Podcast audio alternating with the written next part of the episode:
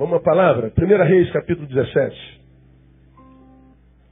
1 Reis, livro de 1 Reis, capítulo 17. Nesse ano, eu acho que, ao meu conhecimento, só de desempregados na nossa igreja,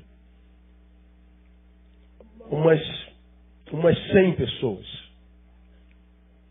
que eu soube perderam o emprego, a empresa faliu, por causa disso passam por adversidades financeiras, passam momentos difíceis na vida, fora os que eu não sei. Vivemos uma situação difícil no país, economicamente falando, citei isso na palavra de hoje de manhã. Quem jamais poderia imaginar que o funcionalismo público ficaria sem receber salário? Os funcionários do Estado não estão recebendo salário. A tendência nos próximos meses é piorar bastante e nós não vislumbramos melhora nos horizontes da nossa economia. Então nós estamos passando por um momento bastante difícil.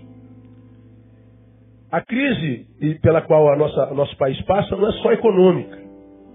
Ela passa uma crise de ética sem precedentes na sua história. Nos tornamos uma geração de gente que quer se dar bem. Então, individualmente falando, desses 200 milhões de habitantes que existem no Brasil, parece que nós estamos de tal forma divididos que perdemos a consciência social e o que a gente pode tirar de tudo que chega à nossa mão, a gente tira sem pensar no outro. A gente quer se dar bem. Então, se a gente pode se dar bem, não interessa se é ético, se é antiético, se é cristão, se não é cristão. Nos tornamos um bando de gente que quer se dar bem em tudo e se tiver que enganar o outro, se tiver que tirar do outro, a gente vai tirando, a gente vai acabando com tudo. Viramos ah, uma geração de gafanhotos.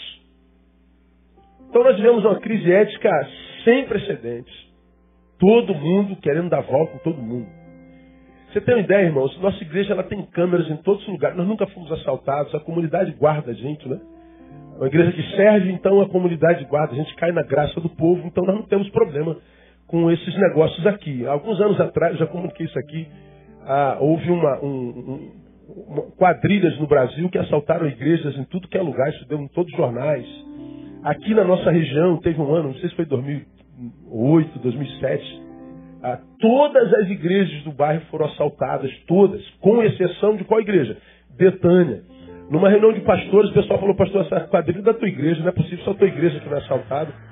Por que, que a sua igreja não é deve ser da, os ladrões são da tua igreja. Falei, não, não é bem Pode ser que tenha alguém, não sei, né? Quem vai botar a mão por quem, não é, cara? Então, mas eu não acredito que seja. Mas a, a comunidade guarda, mas nós temos câmeras. Então, de vez em quando a gente vê alguns lances, que a gente fica assustado. É, pessoas tirando. Cara, não dá nem para compartilhar assim.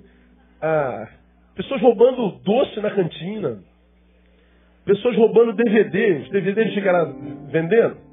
O cara pega o DVD e vai. A câmera tá. A gente fala, meu Deus, eu não acredito no negócio desse, cara. O cara tentando soltar o cadeado de bicicleta. Ele falou, meu Deus, é, rapaz, já vimos Bíblias sendo roubadas. Leva, desgraçado, leia, se você lê, pode roubar todas as Bíblias, converta-se, miserável. Então, nós vemos coisas assim, cara, do arco da velha. No, no vídeo aparece casais entrando nas salas do prédio para orar, entendeu? Já teve, já teve vez de eu chamar o casal, vem cá, quero mostrar coisa para vocês. Vamos ver um filme comigo? Só que ele é dela e ela é do outro, entendeu? Meu Deus, é, é, gente, se vai errar, erra certo, miserável. Além de estar errado, é burro. Não é? Então, a gente vê assim, crise por todos os lados. Inacreditável naquilo no que a gente se transforma. Vivemos crises familiares. 2015 registrou o maior índice de divórcio da história do Brasil. A tendência é, é se avolumar, porque hoje é muito fácil divorciar. Antigamente havia menos, não era porque só as pessoas eram melhores, não.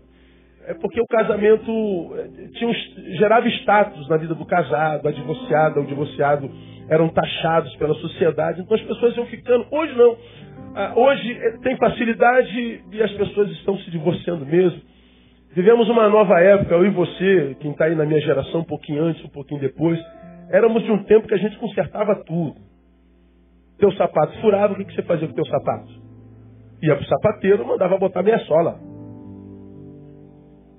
Teu liquidificador quebrava, o que você fazia? Levava para consertar o liquidificador. Teu ferro elétrico queimava, o que você fazia? Levava.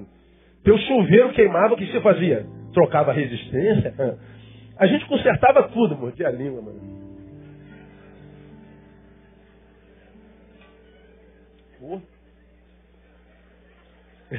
Estou falando do pessoal do, do, do andar, tá vendo? Rogaram uma praga para mim aí. Tá amarrado em nome de Jesus. Então, a gente consertava tudo.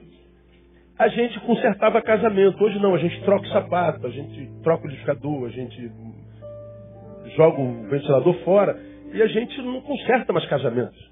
A gente troca de parceiro. A gente não conserta mais nada. Nós não queremos mais trabalho. Nós não queremos mais fazer esforço.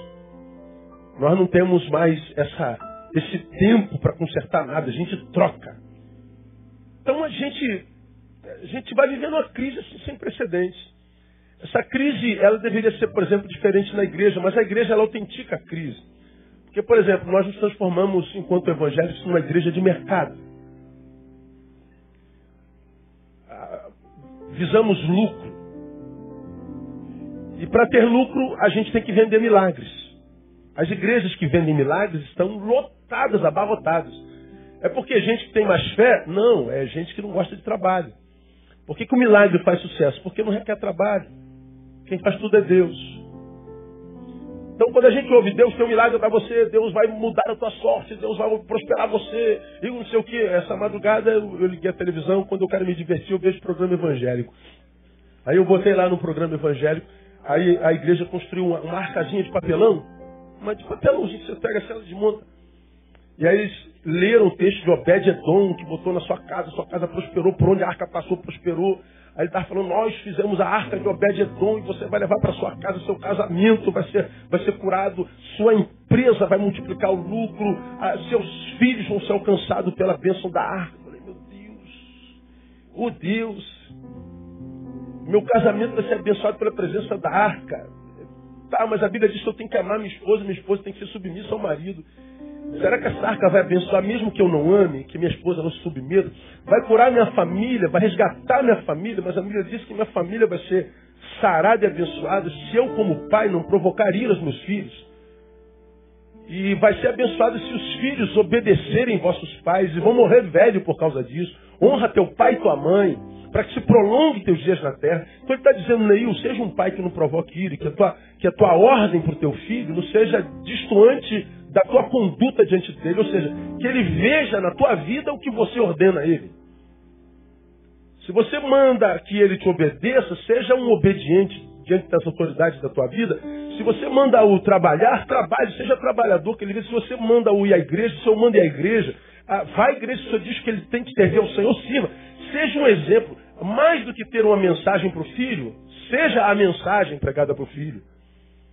Para que ele veja é, é, essa, essa junção entre o que você vive e o que você ordena, o que você prega. Não provoca para ele seu filho.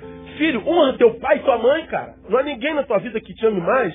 Então, quando o pai ama o filho, o filho, o pai, honrando o pai, o, o, o, o marido ama a esposa, a esposa submete, bom, não precisa de arca nenhuma, a bênção do Senhor chega. Agora, se eu provoco a ira, o filho não honra, eu, marido, não amo, a mulher não se submete, você acredita que a arca vai fazer? Mas está lá a multidão pagando pela arca. E o mercado do milagre está por aí. Ou seja, Deus faz tudo por vocês. Vocês não precisam fazer nada. Essa cultura gera crentes vagabundos. Crentes preguiçosos. Crentes medíocres. Essa mediocridade autentica essa crise pela qual a sociedade passa. Imagina 43 milhões de evangélicos vivendo o Evangelho, cara. Cada um salgando no lugar onde Deus o plantou. Cada um influenciando, sendo agente de transformação.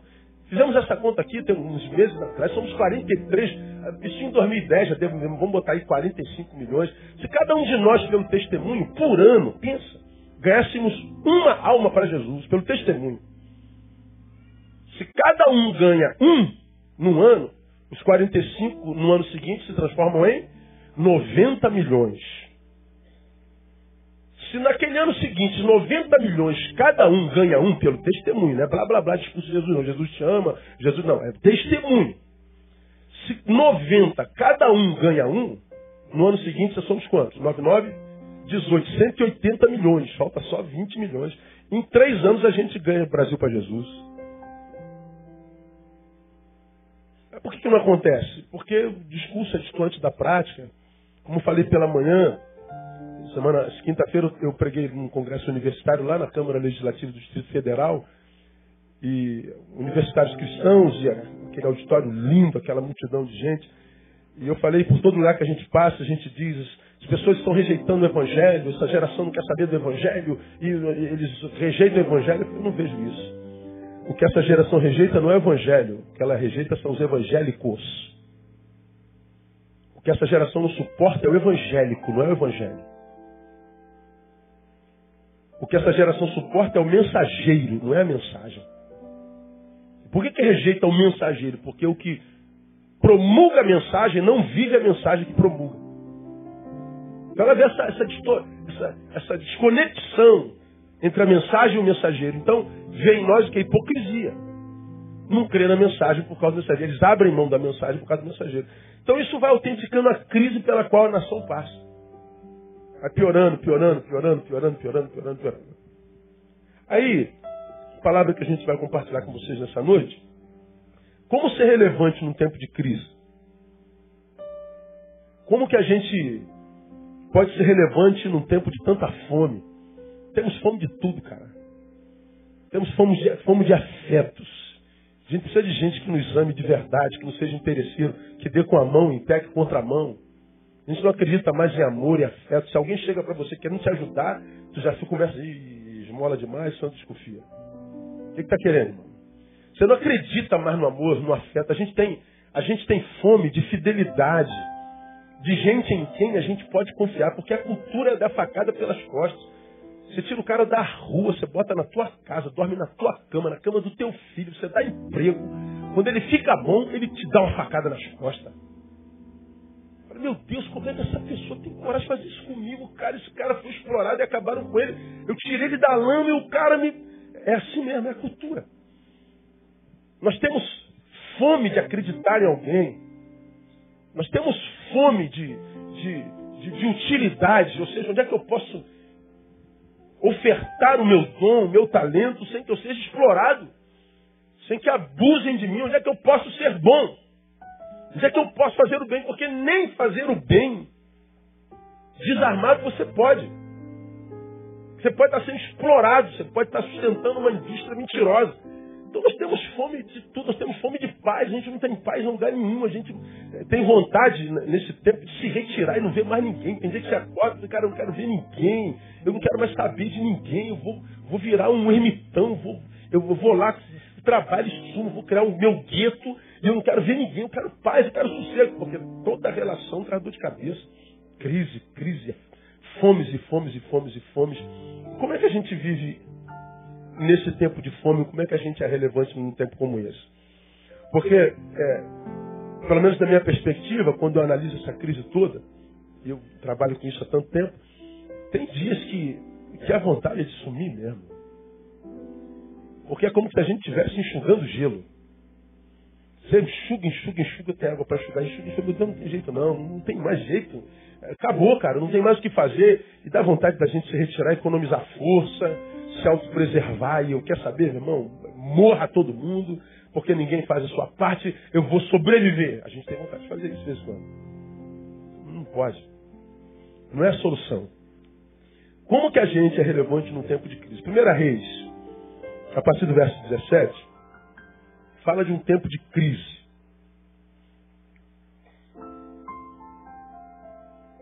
Elias, ele havia profetizado a Acabe, dizendo, olha, Acabe, rei, o rei. Nesses anos haverá uma seca tão grande no teu reinado que a morte vai perambular por suas ruas e o que você vai ver é miséria. E a seca veio. Depois que a palavra de Elias se cumpriu, Deus mandou que ele fugisse da presença de Acabe, porque Acabe iria intentar contra a sua vida. E ele manda, então, ele fugir para o deserto. Aí diz que ele tem que se esconder num lugar chamado Querite, onde havia um ribeiro, e ele diz que daquele ribeiro ele tiraria o sustento naquele tempo de seca. Ele fez isso, ficou ali sendo sustentado pelo ribeiro e pelo, pelo, pelo, pelo, pelo, pelo ribeiro. O ribeiro seca, ele diz, fique tranquilo, eu mandarei corvos para sustentar você, não vai faltar alimento nem dia. Corvo é o que a gente lê na Bíblia, mas você pode ter certeza que o que levava comida para Elias era urubu. Por causa da seca, muitos animais morreram. O que se alimenta de animal morto é urubu. E o texto diz, do versículo 1 ao 7, que não faltou carne para Elias tempo algum. Era tempo de seca, era tempo de fome. E ele foi alimentado pelos corvos. Ele foi lá. O ribeiro secou, não havia chuva. Aí Deus se manifesta a Elias de novo, no versículo 8, que é o que eu vou ler com vocês. Então veio a palavra do Senhor dizendo, depois do ribeiro, depois dos corvos, ou corvos, eu não sei como é que fala, e o Senhor diz para ele, levanta-te e vai para Sarepta. Tempo de, de fome, lembra? Que pertence a Sidom. Habita ali. Eis que eu ordenei a uma mulher viúva ali que te sustente. Volta para mim aqui. Primeiro o ribeiro de Querite, depois os corvos ou corvos, e agora ele está dizendo, vai para Sarepta, Sarepta. Agora quem vai sustentar é uma viúva. E ele vai para Sarepta. Vamos ao 10. Levantou-se, pois, e foi para Sarepta. Chegando ele à porta da cidade, eis que estava ali uma mulher viúva apanhando lenha. Ele a chamou e lhe disse, traze-me, peço-te, um vaso, num vaso, um pouco d'água para eu beber. Quando ela ia buscá-la, ele a chamou e lhe disse: Traze-me também um bocado de pão contigo. Olha a resposta dela. Ela, porém, respondeu: Vive o Senhor teu Deus, que não tenho nem um bolo, senão somente um punhado de farinha na vasilha e um pouco de azeite na botija. E eis que estou apanhando uns dois gravetos para ir prepará-lo para mim e para meu filho, a fim de que o comamos e morramos. Ao que lhe disse Elias: não temas. Vai, faze como disseste. Porém, faze disso primeiro para mim um bolo pequeno. Traze-mo aqui. Depois o farás para ti e para teu filho. Pois assim diz o Senhor Deus de Israel: a farinha da vasilha não se acabará, e o azeite da botija não faltará, até o dia em que o Senhor dê chuva sobre a terra. Ela foi e fez conforme a palavra de Elias, e assim comeram ele, ela e a sua casa durante muitos dias. Da vasilha a farinha não se acabou, da botija o azeite não faltou, conforme a palavra do Senhor que ele falara por intermédio de Elias. Depois dessas coisas, aconteceu adoecer o filho desta mulher, dona da casa. E a sua doença se agravou tanto que nele não ficou mais fôlego. Então disse ela a Elias: Que tenho eu contigo, homem de Deus? Vieste tu a mim para trazeres à memória a, a minha iniquidade e matares o meu filho? Responde, respondeu-lhe ele: Dá-me o teu filho. E ele o tomou do seu regaço e o levou para cima, ao quarto onde ele mesmo habitava, e deitou em sua cama. E clamando ao Senhor, disse: Ó oh, Senhor meu Deus, até sobre esta viúva que me hospeda, trouxeste o mal, matando-lhe o filho? Então se estendeu sobre o menino três vezes e clamou ao Senhor, dizendo: Ó Senhor meu Deus, faze que a vida deste menino torne a entrar nele. O Senhor ouviu a voz de Elias, e a vida do menino tornou a entrar nele, e ele reviveu. E Elias tomou o menino, trouxe-o do quarto à casa e o entregou à sua mãe. E disse Elias: Veis aí, teu filho vive. Então a mulher disse a Elias: Agora sei que tu és homem de Deus e que a palavra do Senhor na tua boca é verdade. Amém, amados?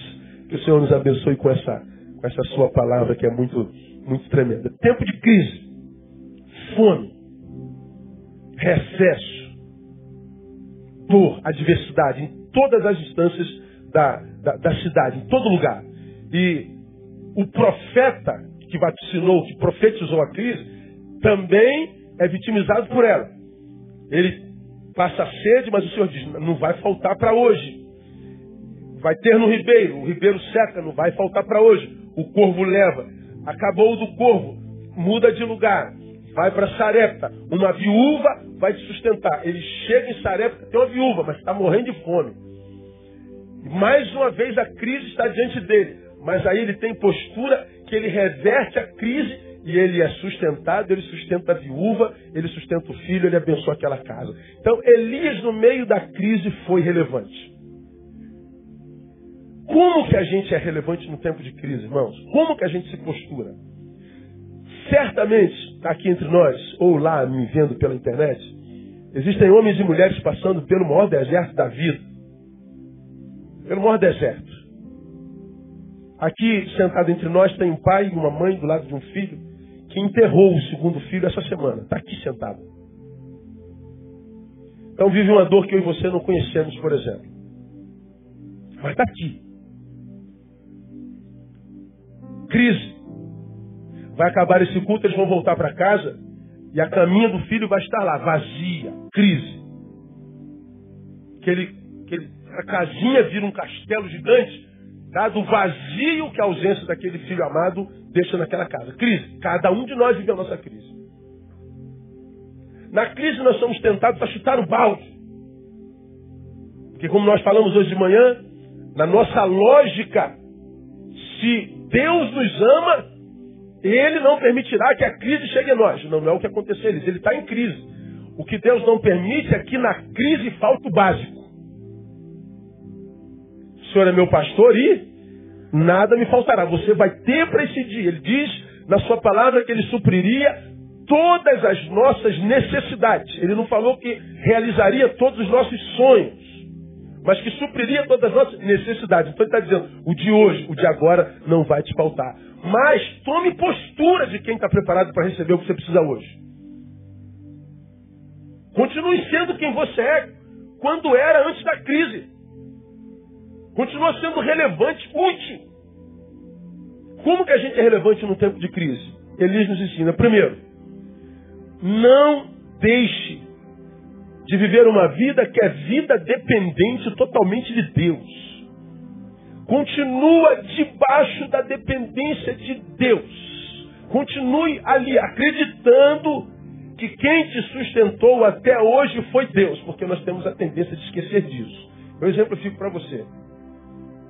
Você está aqui, está desempregado, ou esteve, pediu a Deus para te abençoar, para você passar no tal do concurso. Como aconteceu com, a, com uma filha que veio aqui falar comigo hoje, pastor, passei no concurso de novo. Porque no primeiro ela passou, mas teve um problema na coluna e ela foi desclassificada e, e era um curso tal. Falei, Deus sabe o que, que faz. Tenta de novo. É teu sonho, está no coração? O sonho morreu? Não, pastor, está no coração. Então vai lá e tenta de novo. Está estudando muito? Então vai lá e faz a tua parte. O resto é com Deus. Ela fez um curso que é melhor do que aquele. Passou de novo. Passou muito bem colocado. Ela falou, pastor, continua orando por mim, porque eu vou fazer os exames médicos agora. Olha, não leva ao trauma do primeiro, primeiro concurso. Vai na fé. O que Deus tiver que fazer para você, vai acontecer. Ela vai, acredito que ela vai entrar nesse concurso porque é melhor que o outro. E se não entrar, ela pode fazer uma ainda superior. Eu acho que ela é capaz de chegar no superior ainda. E ela, vamos imaginar, ela entre, como muitos de vocês, como muitos de nós já entramos em concurso público. Bom, antes do concurso, desempregados, nós não tínhamos nada. Quem nos sustentava era pai, era mãe, era família, sei lá quem. Mas nós não morremos de fome, estamos aqui. Passamos no concurso, concurso dos sonhos, agora nós estamos ganhando muito bem. Acontece quando a gente passa a ganhar muito bem, a gente acredita que o nosso sustento, que a nossa vida não é mais uma vida dependente de Deus. A gente acredita que a dependência de Deus foi dependência quando eu não tinha nada. A gente acredita que dependência de Deus é quando eu não tenho um tostão e o milagre acontece que eu estou vivo, estou alimentado, estou até engordando. Agora, já que eu tenho um salário de 15 mil reais, então eu já não dependo de Deus para nada. Ou seja, eu agora estou dependendo da minha capacidade, do meu esforço, porque afinal de contas eu entrei nesse concurso com a minha inteligência, eu estudei, eu fui merecedor desse negócio, eu estou aqui pelo meu mérito, Deus não tem nada a ver com isso, então é como que eu não preciso de Deus. Nada disso é dito. Nossas posturas é que pregam isso. A gente acha que dependência de Deus é só quando a gente está no deserto. Não é. No deserto, nós, interesseiros que somos, é que mais lembramos de Deus. A gente se lembra de Deus mormente quando a gente está no deserto. A gente passa a orar a Deus quando o casamento está acabando. A gente passa a falar com Deus quando o filho adoece. A gente passa a falar com Deus quando passou por uma calamidade, foi atropelado, descobriu uma doença grave. Quando a gente está ferrado, a gente lembra de Deus. Deus, eu estou debaixo da tua dependência. Por quê? Porque você já não pode fazer mais nada. A calamidade chegou. Quando a gente está bem, a gente diz, não, não preciso de Deus. Se der eu vou, se não der eu não vou. Então, hoje eu não estou afim, vou, vou, vou, passear, vou jantar fora, vou viver a minha vida. Então, se sobrar um tempo, eu dou para Deus. Se sobrar um, uma grana, eu dou para Deus. Se sobrar um pouquinho de hora, eu dou para Deus. A gente vai, vai, vai se relacionando com Deus a proporção do que o dia tem preparado para nós. Se o dia preparou dor, Deus. Se o dia preparou sabor, eu. Se eu tenho carência, Deus. Se eu tenho transbordando, eu. O problema é que a vida é cíclica. Nem sempre a gente tem fartura. Não tem fartura que dure para sempre. Não tem saúde que dure para sempre. Você está aqui saudável, não está, irmão? 45 de bíceps. Hã? A irmã está com quanto de, de glúteo? Hã? De perna. Saudável, não está? Tirando todas as fotos do Facebook. Não vai ter saúde para sempre. Nossa saúde ela pode sumir da noite para o dia, ver um diagnóstico no dia seguinte. E a vida muda completamente. Estou falando besteira não? Diga assim para quem está do seu lado: Cuidado, hein, irmão. Diga assim: Está amarrado, pastor. Nossa vida muda da noite para o dia. Um diagnóstico. Um diagnóstico. Uma dormida de meio segundo no volante. Uma piscada, o acidente vem. Ninguém é para nada num ser finito como nós é eterno. Nada. Eterno em nós é o fôlego de Deus em nós. Que veio de Deus e a Deus volta. Agora, o que é carne é temporal que volta ao pó? Tudo.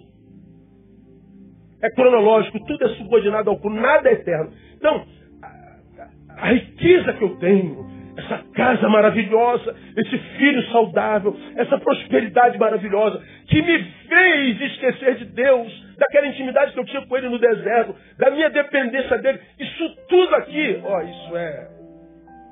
Isso é holograma.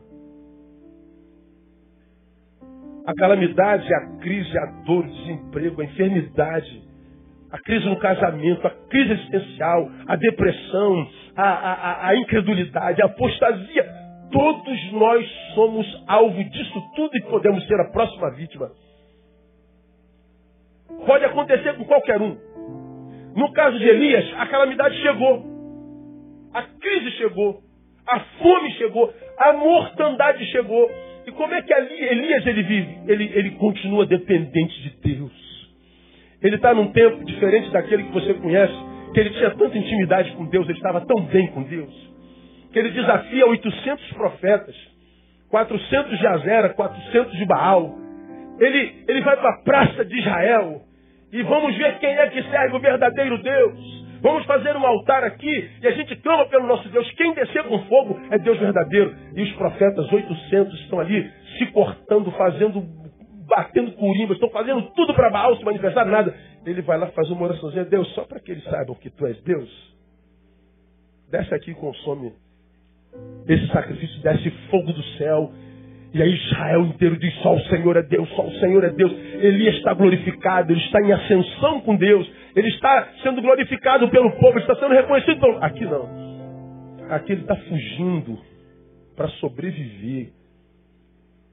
Se ele não morre de fome, ele morre pela espada de Acabe. Ele não pode estar com a família, ele não pode estar em casa. Ele está dependendo do trabalho de um corvo, de um urubu. Ele está dependendo de uma viúva que tá, tem o último pãozinho para morrer de fome amanhã. Ele está vivendo caristia, carência, necessidade. Mas aquele mesmo homem que tinha poder para orar e fazer descer fogo do céu, ele continua o mesmo homem agora passando pelo deserto, na dependência de Deus. Ele foi chamado para viver, olha só, irmãos, na casa de uma viúva. Elias, uma viúva vai te sustentar. Bom, se ele me sustentou pelo ribeiro de Querite, me sustentou pela boca de passos, ah, meu irmão, vou cair dentro com, com fé, porque agora ele deve, no lugar da minha vergonha, vai me dar dupla honra. Agora a coisa vai bombar. Vou chegar lá em Sarepta, deve ter uma viúva com uma casa bem bacana, esposa de um milionário, vai me dar um quarto maneiro. Aí quando ele chega em Sarepta, Moça, traz um pão para mim. Ih, moço, o bagulho tá doido aqui. Não dá não. Só tem um pãozinho que eu vou comer com meu filho hoje, mas amanhã a gente morre. Imagina Elias. Deus, tu me mandas profetizar em teu nome, eu faço. Eu ando em obediência ao Senhor, eu faço. O Senhor me diz que vai me sustentar e o Senhor me bota numa casa de uma mulher que está morrendo de fome.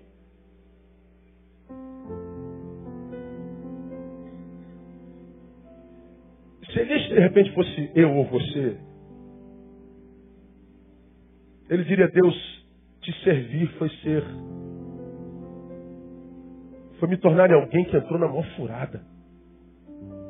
Te servir não vale a pena. Olha o que, que eu estou colhendo contigo. Olha, olha a furada na qual tu me colocaste. Tu disseste que ia me sustentar com uma viúva, essa viúva está morrendo de fome. Mas Elias, diferente de nós, ao invés de olhar para a circunstância, ao invés de chorar mingar para com Deus, ao invés de ser é, é, é, transformado pela circunstância, ele prefere acreditar na promessa. Ele prefere continuar dependendo de Deus. Deus, a, a circunstância me diz que eu entrei na maior furada. A circunstância me mostra que eu vou fazer um culto fúnebre duplo daqui a pouco. Mas Deus, eu sei quem tu és, tu me prometeste me alimentar na casa dessa viúva. Então, Deus, eu não sei como tu vais fazer, mas tu vais me alimentar, tu vai. O resultado qual foi? Não faltou azeite na botija e não faltou pão nem para ele, nem para a mulher, nem para o menino. Sabe por quê, irmão? Porque da, Elias resolveu continuar dependente de Deus.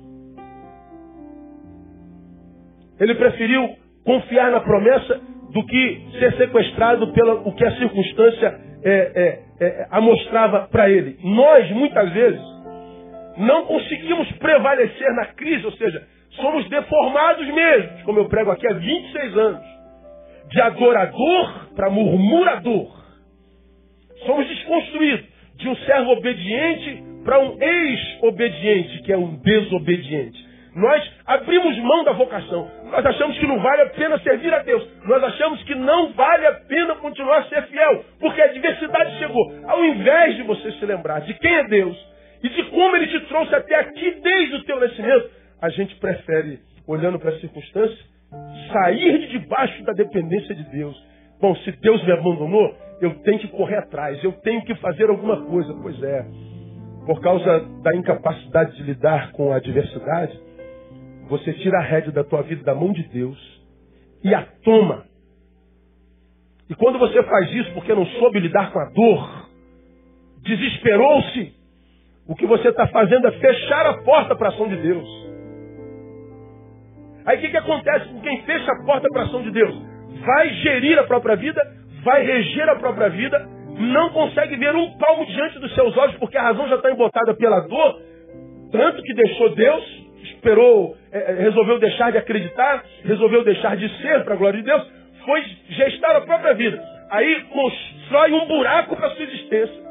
constrói uma desgraça para a sua vida. E aqui, quando já não dá mais para fazer nada, você diz, por que, que tu fizeste isso, Deus? Por que, que tu permitiste que eu chegasse até aqui? Por que, que Deus permite que a gente chegue a, a estados de calamidade? Sabe por que Deus permite, irmão? Porque Ele respeita a liberdade que nos deu. Se você tomou a rédea da sua vida e disse, eu não creio mais, eu não acredito mais, eu não quero mais saber do Senhor, Ele respeita a sua decisão. Ele não vai te laçar como um boi bravo e vem, na marra. Não, ele tem poder para fazer isso. Mas Deus não trabalha assim, não. Ele respeita a liberdade que nos deu. Então, quando você vê alguém que está morrendo de fome, seja de que fome for, alguém que desistiu, perdeu mesmo o sabor pela vida, não é Deus que abandonou, foi Deus que foi abandonado e respeitou a decisão do que o abandonou. Não é Deus que abandona, somos nós que abandonamos. Nós que escolhemos por causa de posturas de sair de debaixo da dependência de Deus. Por que fazemos isso? Por algumas razões. Primeiro, perdemos a capacidade de esperar. Você já aprendeu aqui. Quem não espera, se desespera. Vamos juntos? Quem não espera, se desespera. Quem é o desesperado? O que perdeu a capacidade de esperar em paz. Quem é o desesperado? O que não consegue esperar. Por que, que não consegue esperar? Porque ele quer colocar um relógio no braço de Deus. Deus tem que ser no meu tempo. Tem que ser do meu jeito. Tem que ser na hora que eu quero. Tem que ser da forma que eu quero. Só que Deus não age segundo o teu cronos. Deus não carrega relógio. Ele sabe o teu limite. Ele sabe o que você pode suportar ou não. A palavra diz que ele não permitiria que viesse sobre nós uma provação que fosse maior do que aquela que a gente pode suportar. Então, se você está debaixo da dependência de Deus, Deus ainda não interviu, é porque Deus sabe que você ainda está debaixo da sua potencialidade. Você não acredita nisso. Se desespera. Portanto, se quando eu me desespero, é porque eu não consegui esperar em paz a manifestação de Deus. E a ausência da manifestação de Deus é porque ele acredita em mim e que eu posso. E se eu o abandonei é porque eu não acredito em mim e que eu não vou suportar. Quando eu apostato, quando eu abandono a dependência de Deus, não é porque eu perdi a fé nele, é porque eu perdi a fé em mim. Porque eu não acredito mais que eu posso. Agora, meu irmão, eu não sei com quem Deus está falando, mas está falando. Colocou essa palavra na minha boca, trouxe um par de ouvido para ouvir. Deus sabe do teu limite. E você que está aqui achando que o silêncio de Deus é abandono, o silêncio de Deus pode ser exatamente o oposto. Deus não me abandonou na dor. Deus tem tanta fé em mim que sabe que eu posso suportar. E aquela dor vai gerar algo novo em mim. A dor não é ausência de Deus, pode ser uma declaração de fé da parte de Deus para conosco. Neil, eu estou permitindo porque eu sei que você pode. Eu creio na tua capacidade. E essa dor vai te levar a um estágio maior. Vai te levar a um estágio superior. Vai te levar a uma dimensão superior. Vai te levar a um, lugar mais, mais distante. Vai te capacitar para receber mais de mim. É como disse né, um, poeta, um poeta dramaturgo francês chamado Albert Mousset.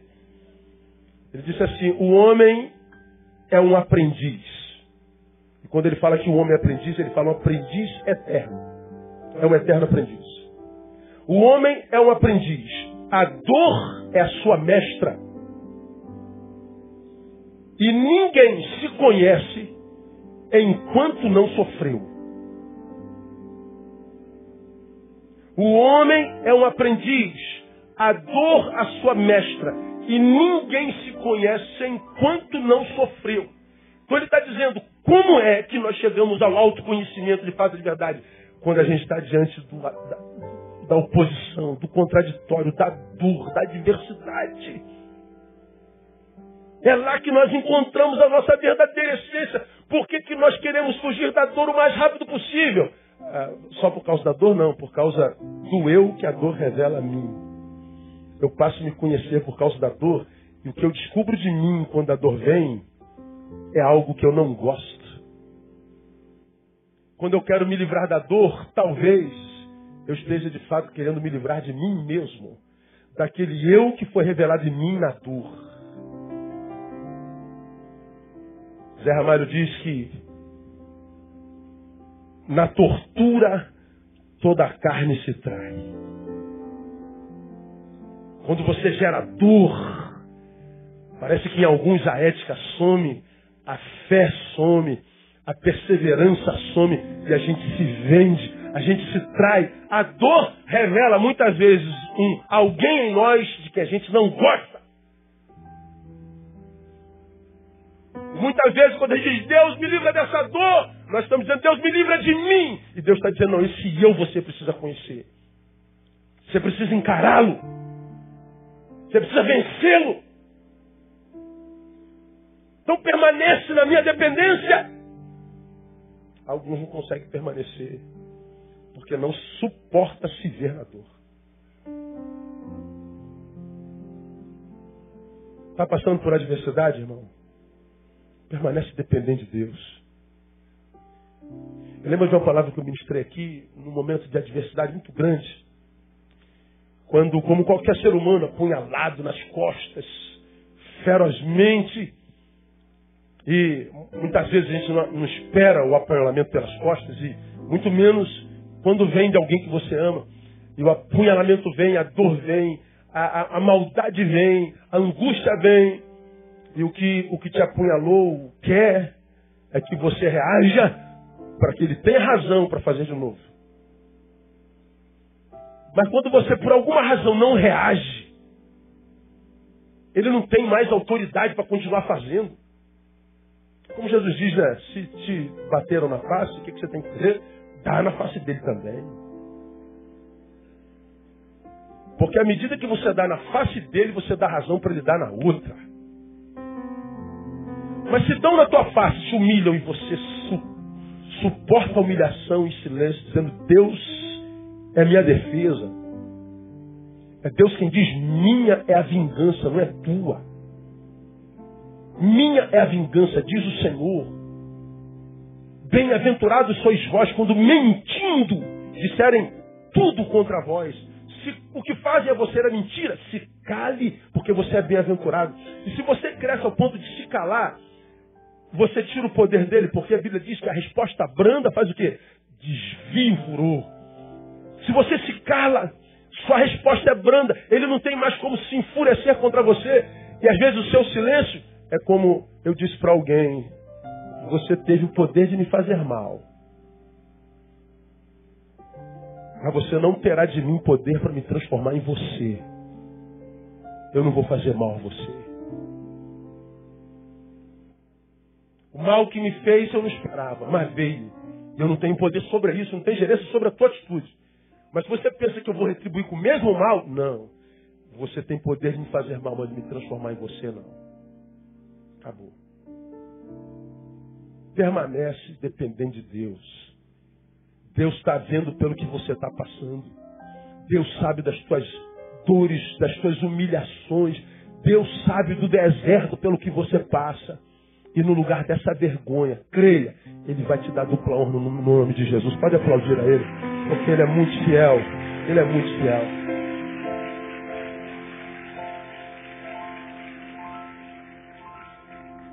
Aleluia. Elias permaneceu dependente de Deus. Mas ele tomou uma outra postura. A palavra diz que ele não só permaneceu na dependência de Deus, como ele passou a pronunciar palavras de esperança. Palavra de esperança. Palavra de esperança. No versículo 14, depois que a velhinha vem e diz assim: Ó oh, moço, eu não tenho te dado de comer, não. A palavra que ela usa é muito interessante, né? Eu tenho só para preparar um bolinho para mim e meu filho, a fim de que comamos e morramos. Como quem diz, nós temos para hoje, mas é a última coisa que a gente tem. Não temos mais de onde tirar, nós vamos morrer. Provavelmente porque ela já tinha visto muitos de seus vizinhos morrerem. Ela já estava na cultura da morte. A próxima sou eu. Senhor, desculpa, não tenho como ajudá-lo. Elias podia dizer, meu Deus, que furado que tu me meteste. No versículo 14 ele diz assim, ao que ele diz, 13, não temas, olha a palavra. Vai e faze como disseste, porém faze primeiro para mim um bolo pequeno e traz um aqui, depois o farás para ti teu filho. Tem um monte de pastor que usa isso aqui para dizer, quando você abençoa o profeta, Deus abençoe, não é nada disso. Quando Elias fala assim, ó, dá primeiro para mim, ele não está abusando da viúva. Ele está dizendo, deixa eu ver o quanto que você crê. Mas, deixa eu ver o tamanho da tua fé através da tua generosidade. Deixa eu ver a tua generosidade observando o nível do teu desapego. Deixa eu ver se a senhora é egoísta. Não, moço. Não, não vou tirar do meu filho para dar para o senhor. Mas por que, isso era fácil de ser crido naquela época e vivido naquela época? Porque a priori ele era um estranho, não é verdade? Mas, como Deus disse que ela o alimentaria, certamente Deus já havia falado com aquela viúva, e no versículo 12, quando ele pede água e pão, ela responde assim: Vive o Senhor teu Deus. Aquela mulher já sabia que Elias era o homem de Deus. Que Elias era o homem que Deus enviaria. Então ela sabia que, entregando a Elias, o Deus desse homem a abençoaria. E quando ele diz, faz primeiro para mim, depois para a senhora e teu filho, ela não titubeia. Se o Senhor, que é homem de Deus, está dizendo, eu creio que Deus está falando através do homem que o Senhor é. E ela faz para Elias. Ela dá a Elias. E ele, quando pede a ela, diz: Não temas, faz como disseste. Pois assim diz o Senhor Deus de Israel: a farinha da vasilha não se acabará, o azeite da botija não faltará, até o dia em que o Senhor chuva sobre a terra. Ele está pronunciando palavra de esperança, ele está pronunciando palavra de vitória, ele está pronunciando palavra de poder, ele está cercado de morte, de tristeza, de derrota, mas a palavra na boca é uma palavra que rema contra a maré. Não vivo do que vejo, mas vivo do que creio. Sim, Ele é fiel. Sim, Ele é fiel. Não morrerei, antes viverei todo bem Senhor aqui na terra e no céu. Não vivo do que vejo. Eu vivo do que creio. Porque o que vejo é desestimulante, é desesperador. Mas eu não vivo do que vejo. Então, porque vive do que crê, ele pronuncia a palavra de vitória. Não vai faltar azeite na botija. Não vai faltar pão na tua dispensa. Deus vai te sustentar, viúva. Deus vai te socorrer. Deus vai vir ao teu encontro. Ele vai te abençoar. No deserto você vai prosperar. É promessa de Deus. Palavra de vitória. Agora o que a gente vê de crente murmurante, cara. Porque pastor, pastor, Deus. Nós temos que repetir a mesma coisa. Por quê? Porque de manhã eu, eu fiz uma, uma gotinha de sabedoria. Tinha 20 minutos para falar, tivemos um culto diferente, homenagem aos professores. Eu falei sobre a palavra do, do ladrão da cruz, do ladrão que morreu do lado de Jesus. O ladrão do lado de Jesus falou assim: se tu és filho de Deus e ele quer teu bem, livre-o ele agora. Livre-o ele agora. Porque ele está lá, Jesus está lá, morrendo, agonizando. O ladrão está aqui. Tu és filho? livre-o ele agora se ele quer teu bem. Ou seja, essa é a lógica humana. Na lógica humana, a gente sempre se dá bem. Se tu és filho de Deus, ele te quer bem, então que ele te livre. Você tinha que se dar bem, brother. Não é lógico? Se ele é teu pai e te ama, então você tem que se dar bem. Esta lógica humana, que é a lógica do bandido, é lógica humana e de bandido, porque na lógica do bandido a gente sempre se dá bem. Por quê? Porque a vontade que interessa na questão é minha, não é de Deus.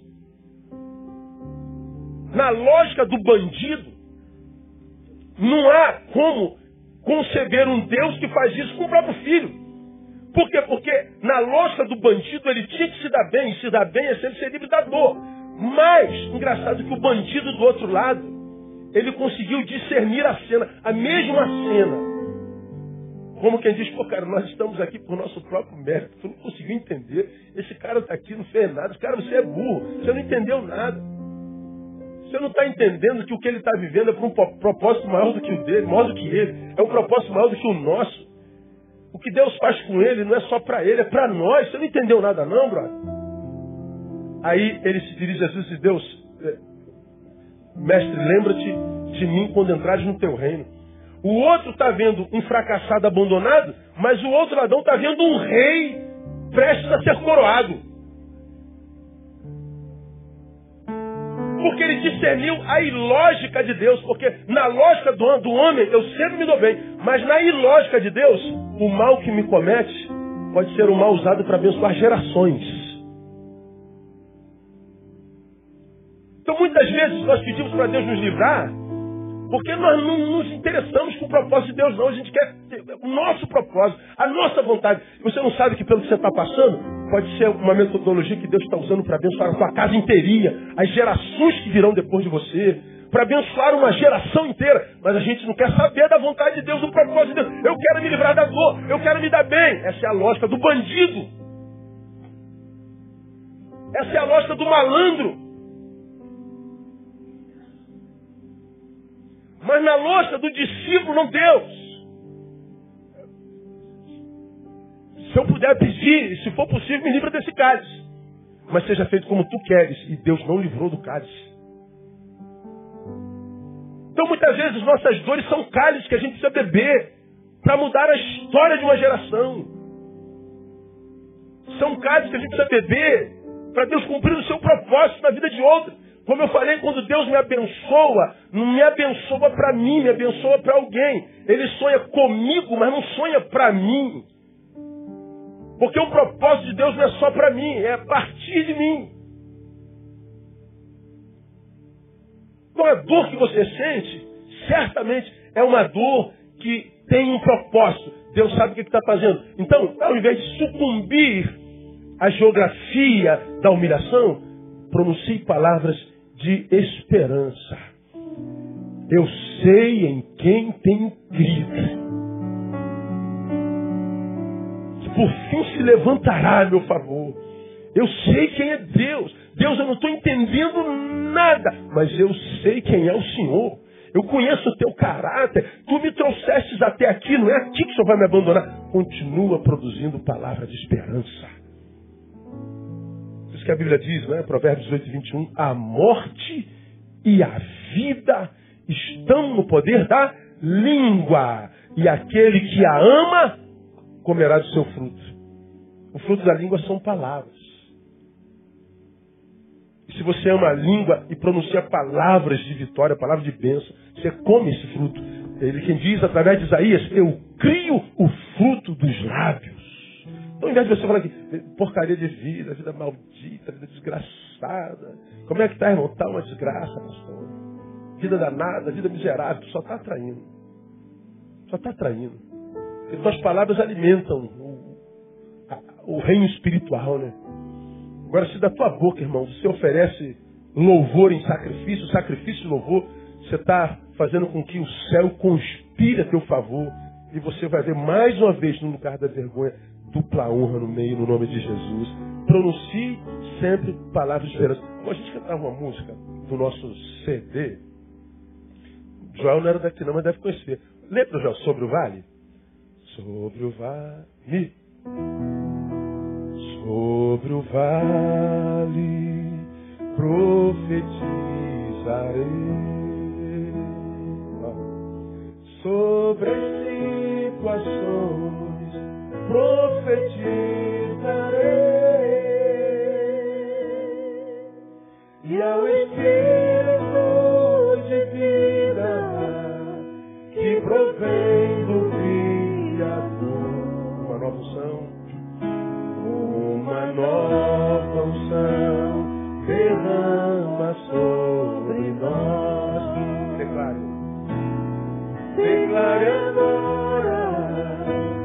palavra de vitória sobre a igreja de Jesus que aqui está.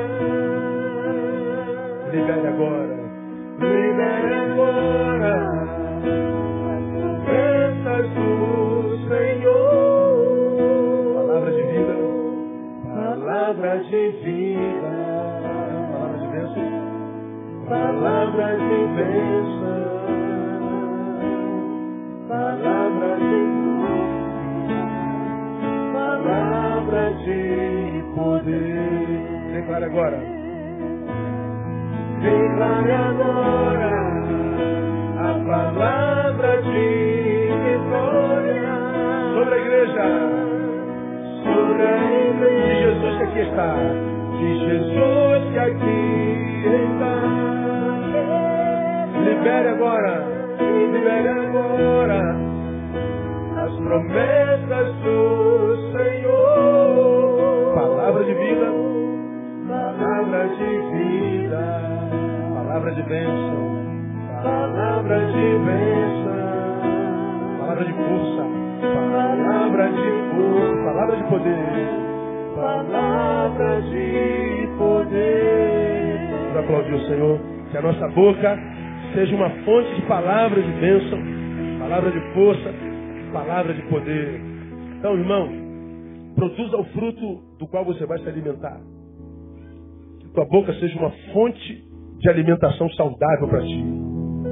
Porque a Bíblia diz que do que a boca fala, o coração está cheio. E diz que a, a gente se contamina por aquilo que a, que a boca produz. Como é que é, como é, que é o versículo? Ah, é, o que contamina não é o que sai da boca. Não é o que entra da boca, mas o que sai da boca. Isso é o que nos contamina. Então, se eu sou contaminado pelo que sai pela boca, quando eu digo eu conseguirei, Deus vai me abençoar, eu sei que é um propósito, Deus vai me honrar nesse propósito. Ó, eu sou contaminado por essa palavra. Uma contaminação positiva. Não é só a palavra maldita que contamina a gente, mas a palavra bendita também no nome de Jesus. Diga, toca no, no ombro de alguém e fala assim, que Deus te abençoe com palavras de vida nessa noite. Que você seja uma fonte de vida, em nome de Jesus. Aleluia. Vamos terminar.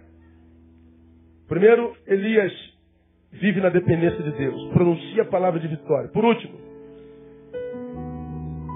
ele não abre mão de continuar a ser canal de bênção na vida do outro.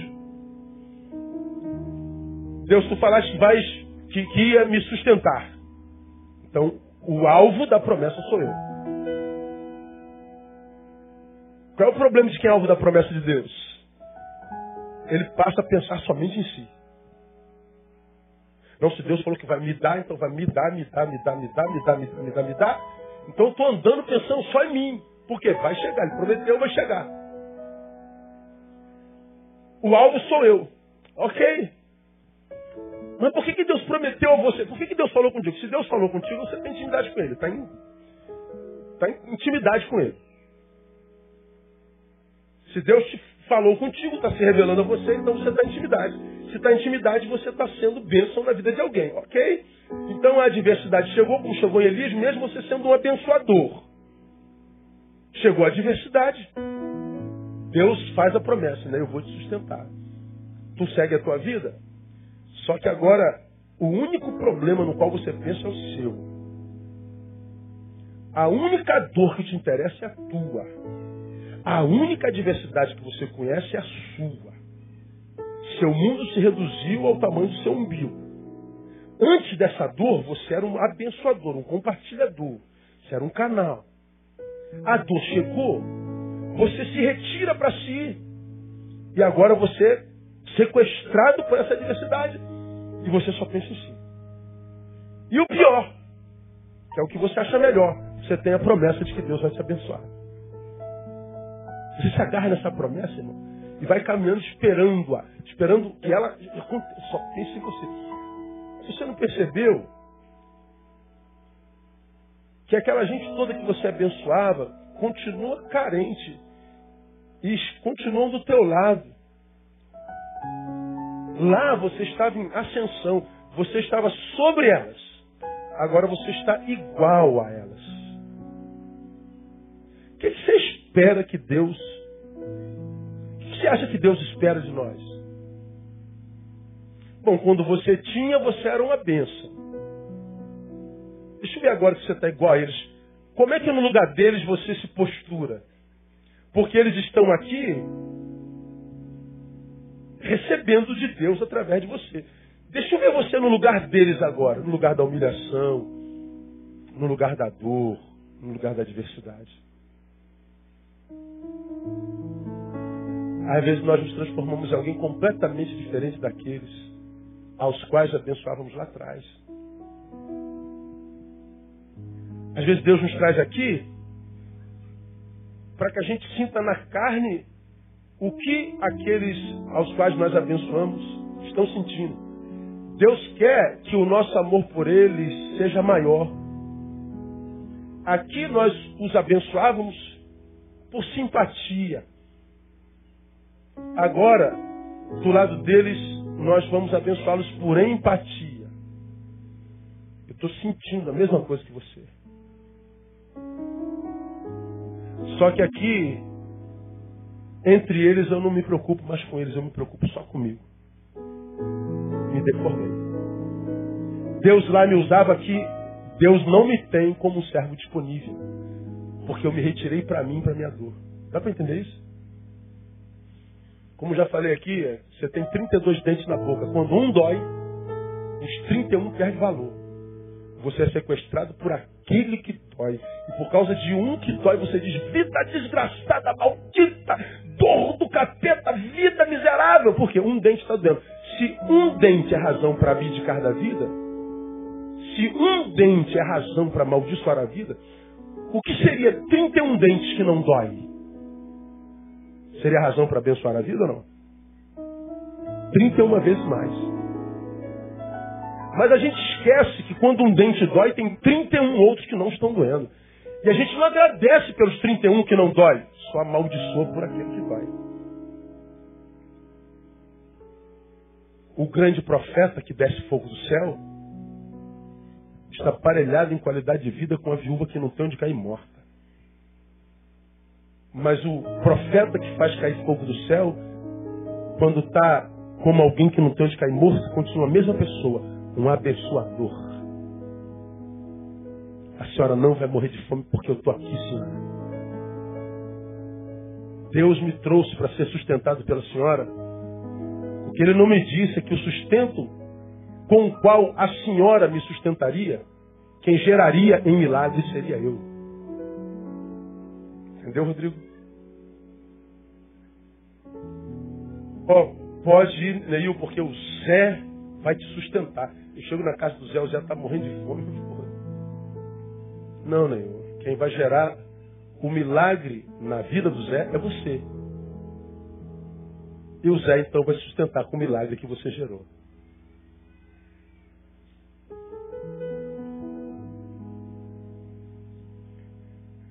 Só que eu chego na casa do Zé, pô, que furada. Cara tá, tá mais morto que eu, meu. Uh, qual é, Deus? Ó, murmuração. Deixei de ser o canal. Porque eu queria que ele me abençoasse. Elias gerou o milagre que o sustentou. Ele continuou bênção na vida de outro. Então, meu irmão, você quer ser abençoado por Deus? Continua sendo uma bênção. Você pode estar vivendo a pior dor na tua vida. Tem alguém que tem uma dor pior do que a tua. A família está aqui sentada com o filho do lado e um morto. dor maior do que a tua. Está aqui adorando o Senhor.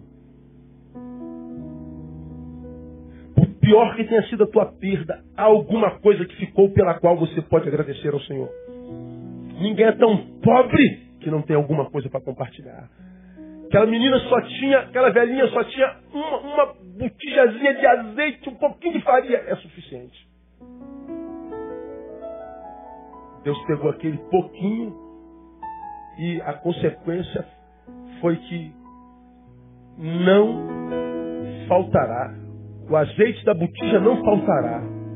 A farinha da vasilha não se acabará. Até o dia em que o Senhor dê chuva sobre a terra. Está dizendo, essa calamidade que assola o mundo não é uma, a calamidade que precisa assolar o teu mundo. O teu mundo, Deus vai administrar e vai chegar à provisão. E essa dureza, essa adversidade vai perdurar por muito tempo na, na geração, na cidade. Mas fique tranquilo, na tua casa não vai faltar jamais. E essa luta, ela acaba quando acabar o da cidade. Agora, se da cidade não acaba, a tua provisão não falta. A gente rema contra a maré, irmãos. Então, a gente vai terminar cantando essa música, Não Vivo do que Vejo, mas Vivo do que Creio. Eu, quando olho para o que o nosso país vive hoje, cara, crivela ou freixo.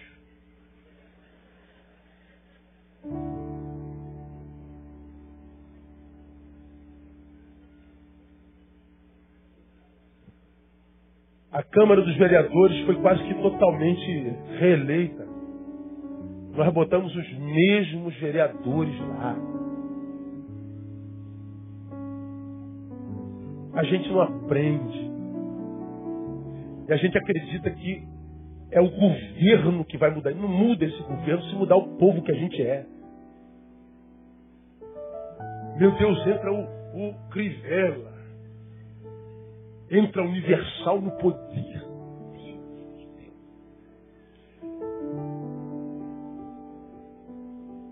Entra o fundamentalismo evangélico entre o freixo no poder, entre o liberalismo social e existencial. Nós estamos assim, uns polos Tudo que a gente não tem como opção é equilíbrio. É o fundamentalismo contra o liberalismo. Com a esperança. Dá um queijo de desespero, mas a gente pega uma palavra dessa assim, Deus, a minha vida não depende nem de crivela, nem de freixo. A minha vida está na dependência do Senhor. Deles dependem os cariocas, povo do qual a gente faz parte. Mas nós também temos um selo, que é o Espírito Santo. Nós somos cariocas, mas povo de Deus e povo de Israel. E ainda, irmãos, que a cidade sucumba ele está dizendo: não vai faltar a farinha nem o azeite. A provisão vai chegar na tua mesa no nome de Jesus. Vivemos na dependência de Deus. Ou nós cremos nisso, ou o desespero está na mesa. Não sei o que vai ser do Rio de Janeiro nos próximos anos, eu não faço ideia do que vai ser do Brasil. Mas eu sei de uma coisa, eu sei o que vai ser da minha vida. Deus vai me sustentar. Não vai faltar o pão na minha mesa, não vai faltar o óleo sobre a nossa cabeça, sobre a minha cabeça. Então, meu irmão, aprendamos nessa diversidade. Vivamos como Elias, dependência de Deus. Não faça como a maioria dos crentes com essa apostataram. Longe da comunhão, longe da vocação, construindo a sua própria teologia, dizendo, não preciso de igreja. É, nem quando você está na igreja você lê a Bíblia. Imagina você fora da igreja. Nem quando você está na igreja você orava. Diz que você ora fora da igreja. Não precisa de igreja. Está longe da vocação, longe da razão para a qual nasceu. Aí está longe disso tudo, diz o culpado é João, Maria, é o Papa, é o pastor, é o porteiro, é o irmão que senta do meu lado que não toma banho, é todo menos eu. Aí está tudo degringolando, família degringolando, o teu caráter, tudo degringolando. Mas você continua construindo mentiras para justificar a tua ausência do altar, a tua distância do altar. Foi tentar gerir a própria vida e continua. Está envelhecendo e não está amadurecendo. Continua o mesmo menino de há 20 anos atrás. Birrendo, marrendo, que não se submete à autoridade, a ninguém, que agir a própria vida. Está aí, ó. Infelizaço, mas não dá o braço a torcer nem para si mesmo. Saiu de debaixo da dependência de Deus. Toda vez que abre a boca é para falar mal de alguém, é para apontar erro de alguém, é para acusar não sei o que de alguém, é para alguém. Tua palavra nunca sai um elogio, você já percebeu? Você nunca diz uma coisa boa, você nunca alimenta. Só você não percebe. Você é alguém que não pronuncia mais palavras de esperança. Você é alguém que não é canal da bênção de Deus na vida de ninguém. É alguém que diz o que não fizeram por você, o que fizeram contra você, o que deveriam ter feito e não fizeram. Você só fala de você como alvo. Por quê? Porque tem a filosofia do bandido, tem que se dar bem a qualquer custo. E por que, que tem a filosofia do bandido? Porque a relação com a bênção é adoecida. A tua relação com a bênção é a, a, a, a de você ser o alvo dela e não o transporte dela.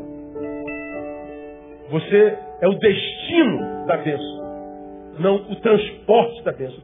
Quando você pensa em bênção, é bênção que te alcança como destino, mas você nunca pensa em bênção que te alcança e te chega como transporte.